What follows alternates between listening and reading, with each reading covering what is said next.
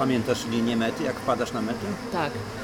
Ja się popłakałam. Pierwszy raz w życiu mi się zdarzyło, że się popłakałam za, e, za linią mety, bo uwierzyłam wtedy Jak w to siebie. wygląda? To jest jakaś długa prosta? Widać, że już niektórzy biegają, widać z daleka bramę, czy To też... jest 300 metrów mniej więcej linii prostej, y, mnóstwo kibiców, bo to jest jakby główna ulica y, tam w Bostonie i mm, genialny doping, tak, są naprawdę głośni y, i, i no, ostatnia prosta, tak szeroka ulica i no jest Wszyscy się wyprzedzają, jeszcze ścigają, czy już... To zależy, to, mm, to zależy podejrzewam w której jakby fazie, no A ty jak robisz? ja się staram, tak, żeby, żeby, żeby, żeby mocno jeszcze próbować, chyba że na przykład czasami jest tak, że jestem wypompowana totalnie, nie wiem, w Tokio tak miałam, że, że nie miałam sił już kompletnie na finisz, a w Bostonie e, chciałam też pobiec ładnie, tak, chciałam z tą polską flagą dumnie e, pobiec.